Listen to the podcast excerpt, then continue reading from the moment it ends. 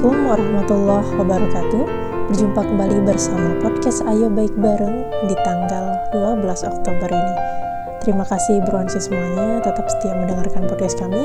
Sehat selalu, semoga semuanya di mana pun berada dalam lindungan Allah subhanahu wa ta'ala. Amin. Ya Robbal Alamin. Oke, jadi untuk hari ini kita akan sharing terkait dengan sebuah insight perjalanan sebuah sedan tua. Jadi ada sepasang suami istri.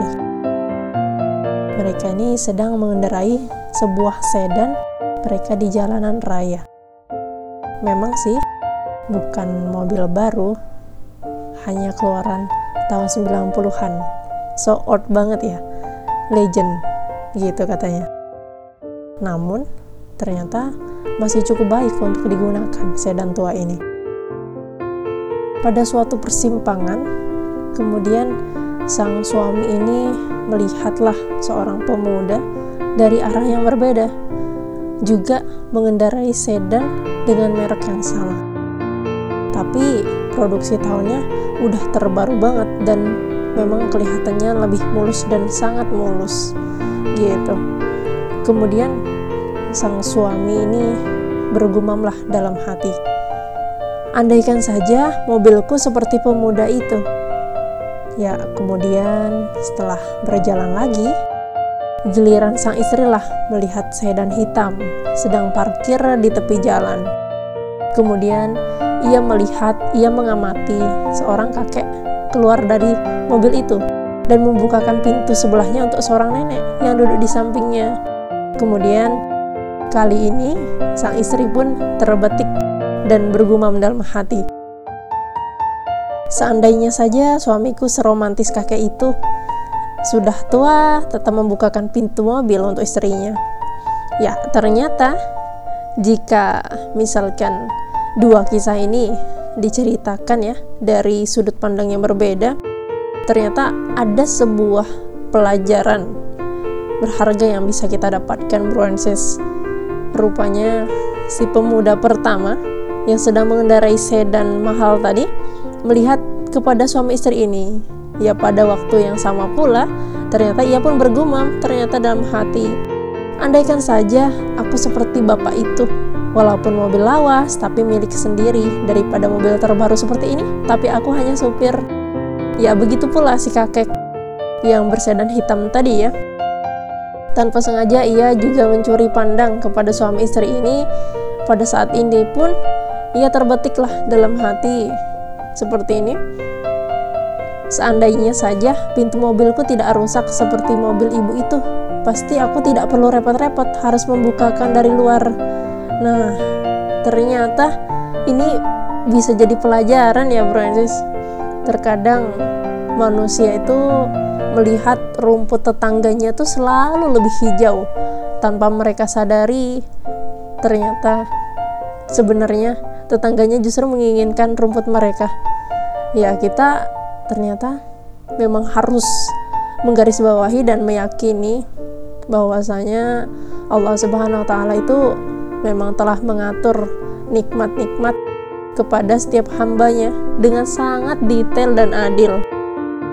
Perasaan kecewa itu datang bukan disebabkan kurangnya nikmat, tetapi karena kurangnya bersyukur. Semoga insya Allah kita dimampukan oleh Allah untuk selalu menjadi hamba yang bersyukur. Dan tentu saja mari yuk kita mengingat ibunda Fatimah binti Rasulullah. Suatu hari ia menghampiri Nabi dengan pakaian yang memiliki 20 tambalan. 20 tambalan bayangkan. Bandingkan saja dengan kita yang sekarang memiliki 20 pakaian mungkin atau lebih berlemari-lemari ya tanpa tambalan satupun sahabat pun yang mengetahui keadaan keluarga Rasulullah pada saat itu seperti itu pun menangis melihatnya padahal di sisi lain ibunda Fatimah merasa dialah orang yang paling beruntung di dunia karena nikmat Allah yang ia terima tersebut terhadap Rasulullah dan kemudian kesederhanaan yang dimilikinya. Maka izinkan kami untuk mengantarkan hadis riwayat Al-Bukhari, Rasulullah memberi gelar istimewa kepadanya. Sayyidatan nisa'il mu'minin, pemimpin perempuan-perempuan mukmin di dalam surga. Masya Allah. Jadi memang ternyata kita seberapa bersyukur atau justru insecure. Itulah terkadang tantangan yang kita dapatkan pada hari-hari ini yang terkadang sifat sawang sinawang pandang memandang lihat rumput tetangga lebih baik daripada rumputnya sendiri padahal tetangga pun melihat rumput kita. Ya jadi kita just be yourself ya. Kita jadilah versi terbaik diri kita sendiri yang senantiasa dibimbing oleh Allah untuk selalu bersyukur terhadap apa yang kita miliki. Itulah kunci penting dari sebuah kebahagiaan kelegaan hati, ketentraman, damai, dan apa-apa yang kita ikhtiarkan. Semoga itu membawa pada kesyukuran kita, tentu saja ketentraman dalam diri kita. Insya Allah. Mungkin ini saja untuk podcast kita pada hari ini. Semoga ada kebaikan ya. Stay tune terus bersama podcast saya baik bareng. Mari kita saling support, saling doa Semoga Allah senantiasa berikan kita kelapangan hati dan senantiasa menjadi hamba-hamba yang bersyukur. Tetap stay tune bersama podcast Ayo Baik Bareng. Wassalamualaikum warahmatullahi wabarakatuh.